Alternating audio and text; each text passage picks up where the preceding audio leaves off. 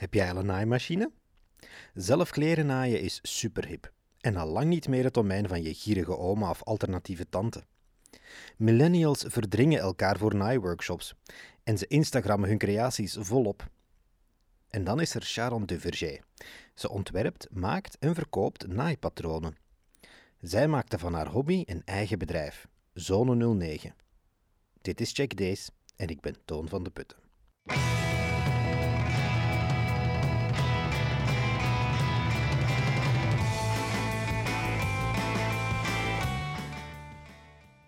Ik kan nu lezen, de makerboom. Ik zag het zo wortels en takken nu voor mij. Ja. Beeld u een boom in een Oh ja, grijpend tak.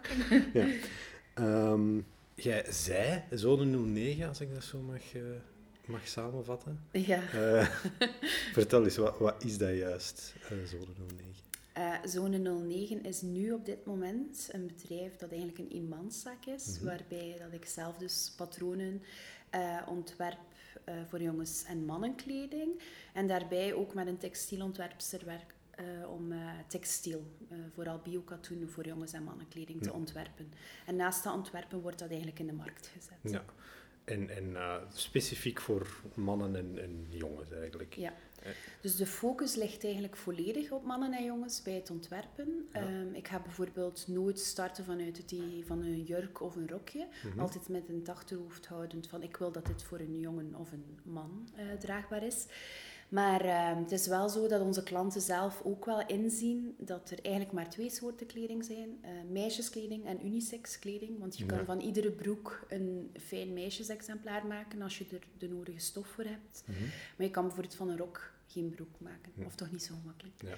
Ehm, ja, dus de klanten maken er zowel zaken mee voor meisjes als voor jongens. Maar de focus bij het ontwerpen ligt op jongens en mannen. En, en is dat als een bewuste keuze of dat is toevallig gegroeid? Of? Ehm, dat is eigenlijk een bewuste keuze. Ehm, ik heb zelf twee zonen Mhm. en één man.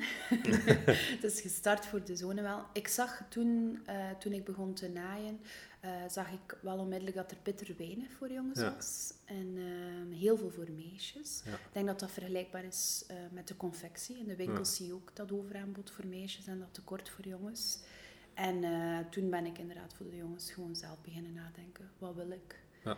En ben ik beginnen avondlessen volgen om het dan te kunnen tekenen en naaien. En dat is dan fameus uit de hand gelopen eigenlijk. En dat is nu inderdaad wat uit de hand gelopen. Ja. En eh, ja, hoe gaat dat dan? Zo, zo, eh, je begint kleren te naaien voor je eigen zone. Ja. En, en man dan misschien? Eh, of in het begin nog niet? Dat is in het begin nog niet, Nee. nee. Dat er al die. Ehm, en dan komt daar ineens een bedrijf van. Hoe, hoe gaat het dan? Ehm, even nadenken hoe lang dat het nu al geleden is. Niels is, eh, wordt tien, dus Hm. ehm, het is eigenlijk tien jaar geleden dat ik ben beginnen naaien, nalessen ben beginnen volgen. En ik ben ongeveer, ongeveer toen Niels een half jaar was, beginnen bloggen over Ah, ja. wat maak ik eigenlijk voor eh, Niels. Eh, anderhalf jaar later was eh, Tor er dan en wat Ja. maak ik voor Tor. En dat was eigenlijk een blog over naaien vooral. Uiteindelijk is Zone 09 als kwinkslag ehm, gekomen naar de Zone 09. Ja. En eigenlijk voor er een bedrijf was. Dus ik naaide dingen voor de jongens. Ik zette dat op de blog. En op een gegeven moment wou ik een labeltje om in die kleren te kunnen naaien. En ik wou niet Mama Cha, want ik had toen al zoiets van oei, ik vind dat eigenlijk niet zo'n leuke naam. Ja. Ehm, ik had ook nooit gedacht dat er zoveel lezers zouden zijn. Ja, Dus bij het begin, bij het kiezen van die naam, heb je dan niet door dat dat misschien nog wel van belang is. Maar dus bij het kiezen van dat labeltje ehm, was dan kwinkslag naar het magazine De Zone 09. Mhm. En eh, omdat wij in Gent wonen, omdat de jongens echt Gentenaars zijn, ehm Ja. Zone 09. En, en we hebben dan beslist om daar dan... Ik heb dat dan even gecheckt met de bedrijfsadvocaat van de Zone 09. Van, kan Ah, ja. dat eigenlijk wel? Want ja, Ja, ja, slim, ja. misschien gaan dan hier mijn levens terug eh, eisen. Eh, maar zij zei, dat is geen enkel probleem. Het is iets volledig anders. Er zit ook een verschil op de naam, al is die minimaal. En jouw logo is ook totaal anders. Ja. En toen ik besloot, een tijdje later, om er een bedrijf van te maken, toen lag het wat voor de hand dat het eh Zone 09 zou Ja. worden, omdat dat toen al een beetje, een Ja. beetje bekendheid Ja. had. Niet zoveel toen. En, en wat zijn zo de, de, ja, in de overgang van ik doe dit voor de Ja. lol naar dat wordt nu een, een, eh, Het Het was eigenlijk chronologisch gezien, er was een blog. Ja. Met de blog werd het duidelijk dat er steeds meer andere bloggers te vinden waren rond naaien. Ik ben die een keer in het echte leven, dan eh, heb ik die leren kennen via een blogmeet. Op die blogmeet heb ik beslist, we gaan hier een naaiclub van maken. Want het is te leuk, hè, mm elkaar in het echt zien. Dan is de ijverige wijven zijn dan ontstaan. Dat was mhm. een naaiclub in Gent die het eigenlijk heel goed deed. En op het moment dat we dat opgericht hadden, want er zijn een aantal andere bloggers daar onmiddellijk bij betrokken geweest, was duidelijk dat er eigenlijk in alle steden in Vlaanderen naaiclubs uit de grond schoten. En wij hebben die gecontacteerd met het idee van we willen iets creatiefs uh, doen voor een goed doel. En het ah, initiële idee was gewoon 24 uur naaimarathon. En we kiezen een goed doel. Uh, aan wie dat we dan de opbrengst geven. En dat is uiteindelijk, uh, heeft dat geleid tot een goede doel-event, waarbij dat een naaimarathon er wel in zat, maar ook heel veel andere zaken. En uh, onder andere het verkopen van eigen gemaakte patronen. Hm. En uh, dat was van Katoen. Dat was een event waar we anderhalf jaar aan voorbereid hebben, waar we 60.000 euro mee verzameld hebben. Hm. En uh, de dag zelf 4000 bezoekers over de vloer hadden gekregen. En op dat moment was het voor mij duidelijk dat enerzijds ik zelf heel veel tijd daarin stak en dat ongelooflijk leuk vond en mijn job niet meer zo leuk vond. Hm. En anderzijds dat het patroon dat ik getekend had, mijn allereerste patroon dan, dat dat eigenlijk het laatst gelanceerd was, maar toch het best verkocht. Omdat er toen echt niks voor jongens was. Mhm. En dan zag ik wel, oké, er zit hier gewoon, er zit hier gewoon, er zit hier iets in. Ja. Ehm, en ik hou niet meer van mijn job. Dus ik had dan een Excelletje gemaakt voor mijn man, om dat goed voor te bereiden. is het goed dat ik mijn job opgeef? Kijk, het lukt ons wel. en toen zei hij, ja, het is goed, je krijgt een half jaar. Mm en we zijn vijf jaar verder nu. Uh, en ik ben eigenlijk nog steeds aan het uitzoeken uh, hoe dat we het echt moeten doen groeien. Want, en dus in het begin was het, was het eigenlijk gewoon... Oké, wij verkopen een digitaal naaipatroon. Dat begonnen is bij Van Katoen. Mm En ik doe er nu eentje bij. En dat mhm. is dan, zo is Zone 09 gestart. Met, met twee, twee, patronen. twee digitale naaipatronen. Een jaar later ongeveer had ik door van het kan wel uh, in papieren formaat en winkels beginnen te vragen, kunnen wij dat ook niet verkopen? Dus hebben we ze dan laten drukken. Mhm. Er zijn steeds meer patronen bijgekomen, in meerdere maten. Er is dan ook een eerste mannenpatroon gekomen. Ehm, er is dan een eerste textiellijn uh, gekomen mm onder zone 09. En uh, dat is eigenlijk waar we nu ongeveer ja. staan. Bij, bij, de voorbereiding heb je gezegd, dat ondernemen want je maakt van, van je liefhebberij, je bedrijf, dat is mhm. ook weet wat je niet goed kunt. Of wat dat je... Ja. Dat is je, een sleutel, ik kan niet zeggen de sleutel, maar... ik vind dat wel een heel belangrijke sleutel. Ik denk wel een van de belangrijkste bij ondernemen. In het begin deed ik het heel rustig aan. Ja, gewoon twee digitaal patronen. Dat is nog niet zoveel mhm. ondernemen. Omdat ik toen ook al door had van we moeten eigenlijk eerst even afchecken of dat ik dit wel kan en of dat de mensen uh, het willen. En het wordt heel snel duidelijk uh, wanneer dat je met andere ondernemers begint te praten, waar zij belangen hechten. En dan had ik onmiddellijk door, ik ben niet goed in alles wat cijfermatig en erg commercieel is. Ja. Als klanten tot bij mij komen, kan ik heel goed mijn verhaal vertellen en verkopen op de manier waarop dat ik het fijn vind, namelijk puur door mijn verhaal te vertellen. Mm. Maar op dit moment moet er echt ehm, proactief verkocht worden aan buitenland en zo. Ik ben er helemaal niet goed in. Um, the art of the deal. Ja, ik hou daar niet van. Hè. Dat, is zo, dat is niet mijn ding. Um, en ik ben absoluut niet goed in cijfertjes. Hm. Helemaal niet. Dat interesseert mij ook niet. Hm. Uh, maar het is heel belangrijk dat er, dat er, dat er wel voldoende ruimte voor is ja. binnen zo'n 09. Dus uh, weten dat je daar niet goed in bent, heeft er wel toe geleid dat ik echt um, echt op zoek ben gegaan naar mensen die mij uh, konden helpen daarbij. Of die mij konden brengen tot bij iemand die mij daarmee kon helpen. Ja, ja. En dat heb je via VOCA gedaan? Of In het begin wel. Want het gekke was, ik was mijn job beu. Dus ik dacht, oké, okay, uh, ik heb een andere job nodig. En ik mhm. ben twee maanden een andere job gaan doen bij VOCA. Ah, en toen was duidelijk, oh nee, ik vind het wel een leuke job, maar toch kan ik daar mijn hart en ziel niet in leggen, zoals bij Van Katoen. Wat toen hmm. de laatste maanden van, van, van de Van Katoen voorbereiding ook was. Hmm. En uh, ik heb eigenlijk na twee maanden gezegd, ik ga toch mijn eigen ding doen. En uh, omdat dat dan net Foca was, zei die, ah ja, oké okay, dan, daar kunnen we niet tegen zijn.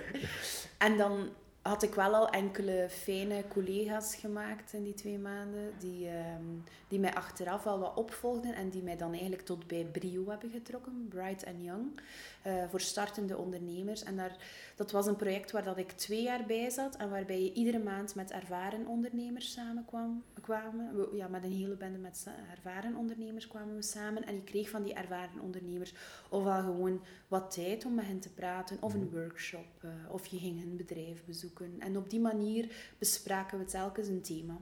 En zo werd wel duidelijk, oké, we hebben het hier over businessplannen, we hebben het hier over cijfers, want FOCA richt zich natuurlijk iets meer op die zaken. De businesskant. De businesskant. Ik was ook met zo'n 09 echt een vreemde eend in de bijt. Ik, hmm. ik merk op dit moment dat er meer creatievere, dergelijke bedrijven binnen de nieuwe uh, ja. brios, uh, brionesten zitten. Maar het waar, toen was het hoofdzakelijk IT en voeding. Zo, ah, ja. dat noem ik dan. Ja, de IT en de voeding vond ik dat vooral oververtegenwoordigd waren. Ja, want de, de Zone 09 is echt gestart in de, in de makerboom, zullen we zeggen. Hè? Of, ja. of die is nog altijd aan de gang. Maar... In de makerboom die heel erg samenhangt met het online community gebeuren. Hm. Ja. Hm. Van, specifiek voor mij dan bedoel um, Ik oh. denk dat er meerdere communities zijn en geboomd zijn, maar omdat ik die niet goed ken, kan ik daar niet echt Ja, dat zei je ook. Er zijn eigenlijk weinig kruisverbanden of je hebt echt zo aparte compartimenten. Ik ken een aantal naaisters die ook uh, breien of haken, maar eigenlijk die zijn dan ontstaan binnen de naaiblogs en de mm naaiwereld. En ik merk ook, die gaan ook die gaan zich zo niet uh, bekeren tot de community van de breisters of zo. het is ook niet één community, hè? Het is, het is nee, echt, uh, ja. ja. dus uh, hm. je, je merkt, je, je zit in een soort community en je blijft daar dan hm. ook wel wat binnen. Ehm, en ik merk dat er andere fora zijn, andere Facebookgroepen, ja, gewoon andere winkels. Het is een volledig gescheiden publiek. Henk Rijkaard die heeft zo'n een Facebookgroep opgericht, Make in Belgium, voor alle makers. Maar dat is vooralsnog vooral houtbewerking en elektronica. Ja? En, oh, ik ken dat zelfs. Maar, maar ja. Volgens de mission statement zal je zeggen van de groep is het voor iedereen die ah, creatief bezig is en die dingen maakt. En, maar ja, dat is toch zo ja, ja moeilijk. Wat ik wel merk is dat degenen die in de community van het mm naaien zitten en het handmade, dat die wel heel erg veel interesse tonen. Je kan dat zien op vooral hun Instagram-accounts en Facebook-accounts. In moestuinieren, in gezonde voeding, in een keer iets met houtbewerking. Ik heb mij nu ook ingeschreven voor een schrijnwerkerscursus. Um, in een keer breien. Maar de, de kern van de zaak blijft wel dat naaien. Dan. Mm Maar ze, ja, er zit een interesse natuurlijk in, ik doe het zelf. Hm. Uh, op verschillende Merk je daar een evolutie in over tegen dat je startte met Zone 09? Van toen waren dat echt die bloggers. Ja, en nu is het iedereen? Of, of uh... Zeer grote evolutie. Ik had het gevoel in het begin waren er ook zeer weinig naaibloggers. Um, toen ik zelf ben beginnen bloggen. Ik had echt het gevoel dat er zo tien waren. Ik denk dat ik er niet ver vanaf zit. En uh, er zijn steeds meer bloggers bijgekomen. En met, dat, met die verschuiving um, van bloggers en ook daarna uh, de focus op Facebookgroepen en Instagram-accounts, heb ik het gevoel dat het eigenlijk, ja, om het, om het wel clichés te zeggen, van de vrij alternatieve linksere mensen hm. naar de grote meute, uh, om dan ook eigenlijk de ja, eigenlijk een beetje hetzelfde als die curve. De influencers, ja. de early adopters, de late adopters en de laggards. Of, bij VOCA geleerd? Of? Ja, bij VOCA, echt waar. Bij, ja, bij Brio geleerd. Dus uh, die bloggers zijn dan zogezegd de influencers. Dan komt de, uh, steeds meer de mensen die de nales beginnen volgen en zo. En ik heb nu op dit moment het gevoel, vooral in die supergrote Facebookgroepen, zoals Nine voor vriendinnen, net geen 30.000 mensen, dat is immens groot. Daar zit echt van alles in. En dat vergelijk ik nu een beetje met zo de, de, de, de Facebookgroepen van de morgen en zo. Dus je, iemand post daar iets op en je hebt zowel hele fijne commentaren als de mensen met de lelijkste commentaren. Dus het is zo naar de algemene maatschappij ja. beginnen overzetten. Ja, een doorsnee van de samenleving. Ja, en dus ik denk dat de eerste groep het vooral deed vanuit een creatieve insteek. Mhm. Van ik wil, ik wil uniek zijn, ik wil anders zijn. En ik hecht belang aan kwaliteit ook. Ja, en, ik, en ik wil weten waar die kleren van wil komen weten waar, misschien ja, ook. Ja. inderdaad, wie, wie maakt die kleren, hun duurzaamheidsinsteek ook.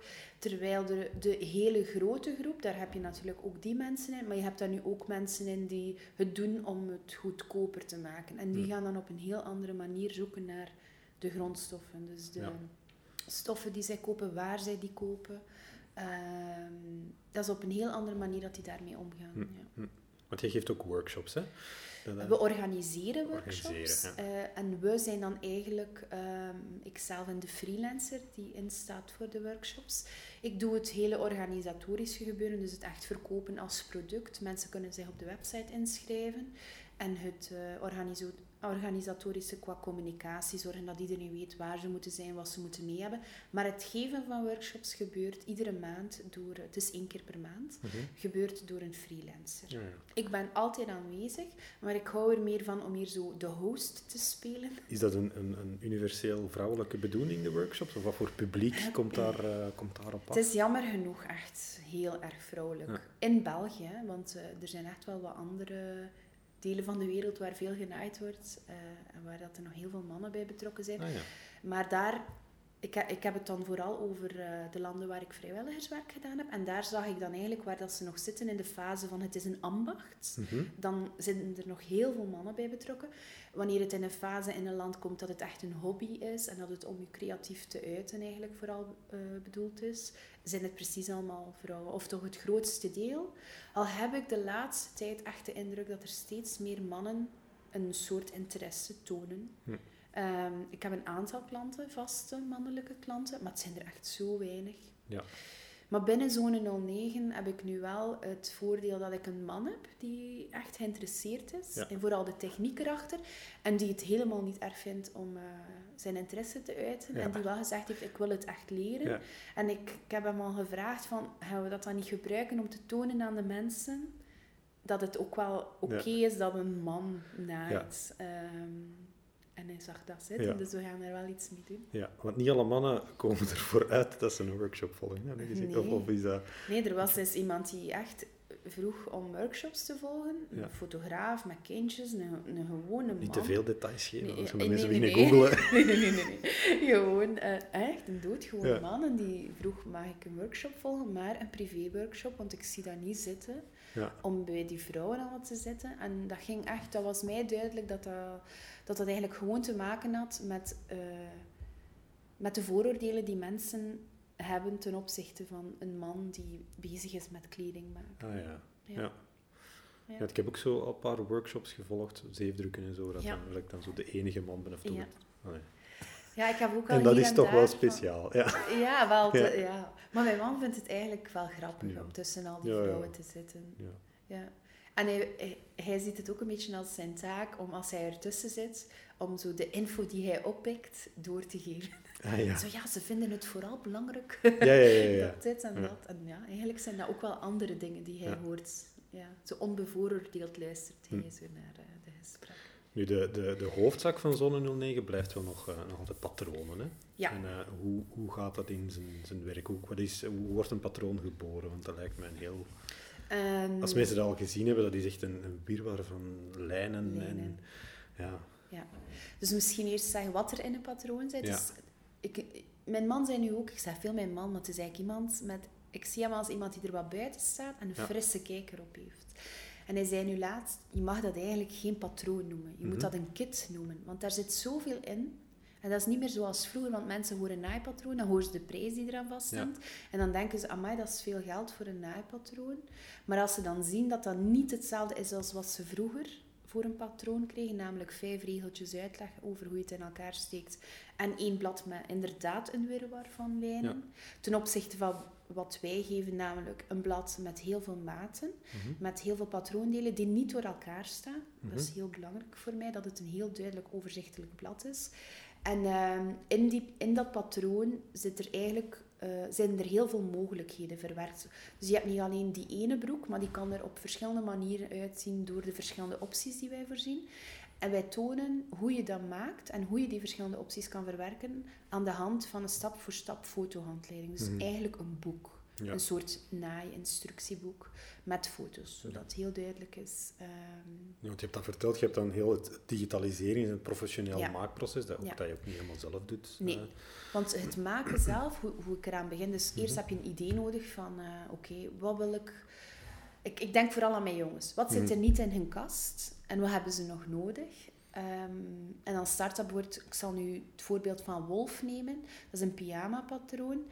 Ik had nog geen patroon voor een pyjama. Mhm. Ik wou dat dat zowel een tweedelige pyjama kon worden als een eendelige. Dus die beide dingen moesten daarin zitten. En ik had een leuk idee voor een cape die afneembaar in de schouders kon verwerkt worden. Mhm.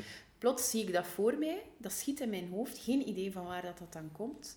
En dan zie ik dat voor mij in al zijn glorie. Dus met mhm. alle details die mogelijk zijn. En dan moet ik uh, beginnen tekenen. En dat tekenen, dat is niet een schets van die kleding, want ik kan eigenlijk niet zo goed tekenen, maar ik kan wel patroondelen tekenen. Dus hm. dat is eigenlijk een soort technisch plan met verschillende onderdelen die je allemaal nodig hebt om hetgeen dat ik in mijn hoofd had in elkaar te kunnen steken. Hm. En eenmaal dat ik dat getekend heb, test ik dat. Dan moet ik dat bijna altijd nog wat bijwerken. Het is te kort, het is te lang, het is te smal of te mhm. breed. Ehm, en als dat bijgewerkt is, test ik dat nog een keer. Meestal zit het op dat moment echt wel goed. Dan ga ik eigenlijk de testers aanspreken. Dat is een vaste groep die doorheen de jaren ontstaan is. Ik werk graag met vaste mensen, omdat ehm, ik weet dan wat ik van hen kan verwachten. Ik weet dat de ene vooral let op... Hoe dat je je feedback moet interpreteren. Ja, en ook de ene let op spellingsfouten hm. vooral, de andere let erop dat een beginner alles begrijpt. En ja, zo'n groep begint elkaar ook wel hm. een beetje te kennen. Ik organiseer daar ook uh, wat activiteiten mee. Maar eenmaal dat ik die testers heb aangesproken, weet ik, oké, we hebben die verschillende maten nodig voor die testers. Ik ga dan naar een gradeer- en digiteerbureau, waar ik hm. ook al sinds dag één mee werk. En die ene maat die ik manueel getekend heb, dus echt met potlood en gom en lat, gaat zij digitaliseren met de nodige software, die heel duur is. Ja. En, die, dus, en het is absoluut niet mijn ambitie om dat ooit zelf te doen. Zij doet dat dagdagelijks, dat is eh, de kern van de zaak bij haar. Zij digitaliseert dat en dan zet zij dat om in verschillende maten. En dat heet graderen. En graderen is echt ook een specialisatie. Mhm. Dus ik heb ook absoluut niet de ambitie om dat te doen. Ik zie mijn taak meer in, ik heb een idee en ik teken een één maat uit. En dan laten we dat professioneel bewerken. En die verschillende maten rollen dan uit haar computer. Dat zijn dan de testmaten. Intussen heb ik de handleiding gemaakt met foto's dat gaat allemaal naar de testers. Dus die foto, dat is ook dat is met een fotograaf, met een fotoshoot? die foto's is echt, ik, uh, ik werk dan met een Infinity, zo'n witte achtergrond. En dan, want er moet eigenlijk dan genaaid worden. Dus elk, elke optie die in dat patroon verwerkt moet worden, moet genaaid worden. Dus ik heb dan verschillende soorten. Uh, bijvoorbeeld van de pyjama heb ik dan vier pyjama's nodig, mhm. bijvoorbeeld. Uh, het is wat puzzelwerk om te denken, als ik het zo en zo en zo maak, zitten al die opties in de handleiding verwerkt. En dan moet ik echt iedere stap die ik doe, dus dat komt eigenlijk neer op per minuut iets snijden, opstaan, fotograferen, opnieuw mhm. neerzetten. En dat kun je niet met een fotograaf, dat is onbetaalbaar. Of je zou echt iemand in huis moeten hebben die sowieso fotografie doet en vast werkt voor jou. Dus we, ik fotografeer dat. Daarna wordt dat allemaal bewerkt. Wordt dat in een template die we door een grafisch bureau hebben laten opmaken gestoken. Um, wordt dat bijna volledig goed gezet. Er zijn een aantal dingen die pas op het einde kunnen, maar dat weten de testers. Dus dat pakket gaat naar de testers. Zij krijgen dan een bepaalde deadline. Mhm. Eh, die testers, het geluk dat ik heb, is dat die testers bijna allemaal bloggers of goede Instagrammers zijn. Mhm. Dat is ook fijne reclame al, ja. uh, die voorzien is. En dan keert dat allemaal terug met de nodige opmerkingen. Dan heb ik een tijdje nodig, een paar dagen, om al die opmerkingen te verwerken. En dan eigenlijk op dat moment uh, zie ik het als af, het product. Mhm. Eenmaal dat alles verwerkt is en goed gezet is, kan het naar de drukker. Er zijn drie drukkers betrokken. Eentje voor de covers, eentje voor de, de handleiding en het extra blaadje dat erin zit met benodigdheden. En dan naar een planafdrukcentrum voor het grote blad patronen. Dat grote blad patronen, dat is heel veel werk. Dat komt terug van het gradeerbureau. Ehm, per maat en per patroondeel is dat een bestand. En dan mhm. moet er enorm veel gepuzzeld worden, tekst aan toegevoegd worden. Dat is allemaal grafisch werk. Ja. Ehm, we beginnen dat een beetje uit te besteden aan een freelancer die vast uh, grafisch werk doet. En dan, eenmaal het naar de drukker is geweest, keert het terug en gaat het naar de beschutte werkplaats in Gent, waar uh, alles geassembleerd wordt. Dus die cover wordt geplooid, gekleefd. En alle materialen uh, die erin nodig zijn, dus de handleiding, de, het extra blaadje met benodigdheden en het patronenblad, worden erin geschoven. En daarna uh, sinds kort krimpen zij uh, de patronen. Dus gewoon het inwikkelen in, een ja, ja. in fo folie. Omdat um, we hebben gemerkt in de winkels dat mensen heel vaak de patronen opentrekken, dat ja. dan covers scheuren. Dat het voor transport beter is, dat ze beter beschermd zijn, Hoeveel patronen heb je nu zo in, uh, um, in verkoop? We hebben er nu in verkoop in papier 17 en 18 digitaal. Er is één patroon dat ik niet meer de moeite vond om op papier uit te brengen, omdat het zodanig voor de liefhebber is. Ja. En zodanig traag papier, in papier verkocht dat ik denk dat het niet zo interessant was. Ja. Uh, om dat nog een keer uit te brengen op papier. Maar het zijn er 17 rekening houdende ook met de, de, de, verschillende maten. Dus sommige patronen zijn er bijvoorbeeld drie keer. Het Theo-hemd heb je drie keer in kindermaten, in tienermaten en ah, ja. in volwassen maten. Ja.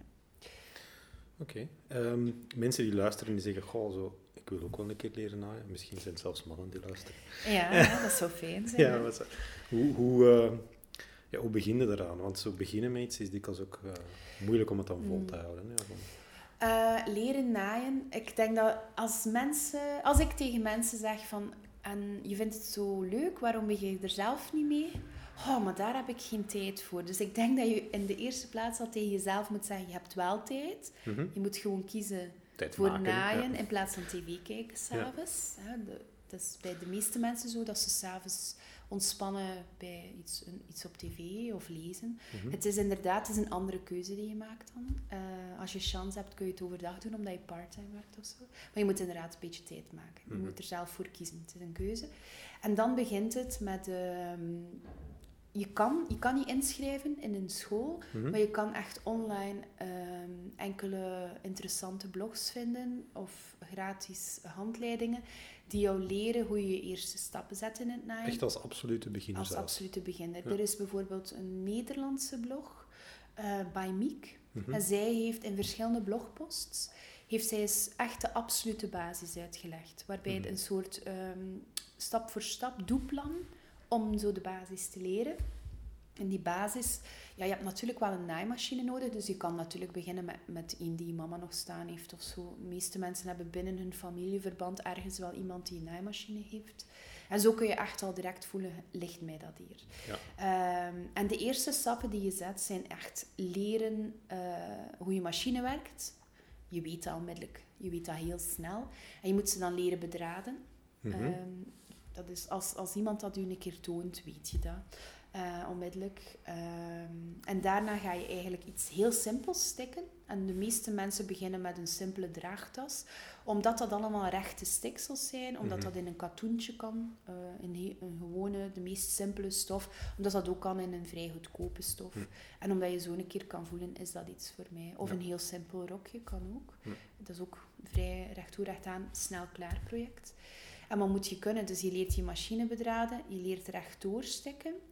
Um, je leert dat er ook een zigzag bestaat om de randjes af te werken. Mm -hmm. En je leert een aantal termen die belangrijk ja. zijn. Zoals bij de stof dat er een rechte kant is en een averechtse kant. Ja. Dus een goede en een slechte kant. Um, wat de zelfkant is, namelijk de rand van de stof. Er zijn zo'n aantal termen die je dan binnen zo'n dergelijke blogpost wel onmiddellijk mee oppikt. Mm -hmm. En eenmaal je dat kan, merk je binnen schoolverband, ik, er zijn absoluut zeer goede opleidingen en, en, en zeer goede avondscholen, maar ik, um, afhankelijk van de generatie leerkracht die je hebt, ja. gaan ze geneigd zijn om je te vertellen dat je best nog niet werkt met tricot, eh, dus met trekbare stof. Ja en best nog niet met de overlock werkt. En je krijgt daar een beetje schrik van. Dat is ook, dat is ook een ander soort machine, een overlock. Dat is, een ander, dat is eigenlijk om randjes af te werken, ja, ja. om eigenlijk een professionelere... Resultaat te krijgen. Ja, een professioneler, mooier, netter afgewerkt resultaat te krijgen. En ik, ik heb dat altijd heel spijtig gevonden, omdat eigenlijk moet je er gewoon induiken. Mm -hmm. En je kan wel een fout maken, dus in het begin begin je best met een, een iets goedkopere stof. Ja. En je gaat dan een fout maken, maar je gaat die ook geen twee keer maken. Eenmaal je één keer met de overlog een gat genaaid hebt in je pyjama die bijna af is, mm. dat is mij overkomen, mm -hmm. dan doe je dat geen twee keer. Ja. Um, en ik werk zeer graag met tricot, met rekbare stof. Um, en wanneer dat je in de, in de les hoort dat je dat best niet doet, krijg je uiteraard als beginner schrik. En wacht je jarenlang Ja, ja, ja. totdat je daarmee begint. En eenmaal dat je daarmee begint, opent zich een wereld van mogelijkheden. Want Mhm. met rekbare stoffen kun je t-shirts maken, truien. En dat zijn de snel-klaar projecten. Een Ja, ja. broek duurt langer, een rok duurt langer. Terwijl het is zo plezant om je eigen kinderen Een met een eh, pul of een ja. t-shirt te zien rondlopen. Dat, voor een man is er ook zo snel een t-shirt gemaakt. En het is, ik zeg het nu eigenlijk al een beetje, het is eigenlijk binnen jongens- en mannenpatronen een stof dat je veel, veel frequenter gaat gebruiken. Een hemdje maak je meestal in niet draagbare stof. De meeste naaisters willen een snel klaar project of beginnen graag met een snel klaar project. En dat zit niet in iets voor... Bij jongens en mannen zit dat niet in een, in een niet draagbaar stofje. Ah, ja, ja. Niet draagbare stofjes zijn direct projecten met, met, meer, eh, met meer werk. Ja. Een t-shirt is een draagbare stof.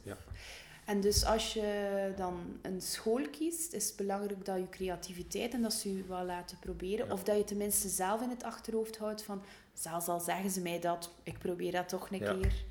Eh, doe je het niet via school, dan kun je het zeker als autodidact gewoon Mhm. eh, allemaal leren. Want ik heb enkele bevriende bloggers die nooit les hebben gevolgd en die de, echt de mooiste dingen maken, de mooiste afgewerkte stukken hebben.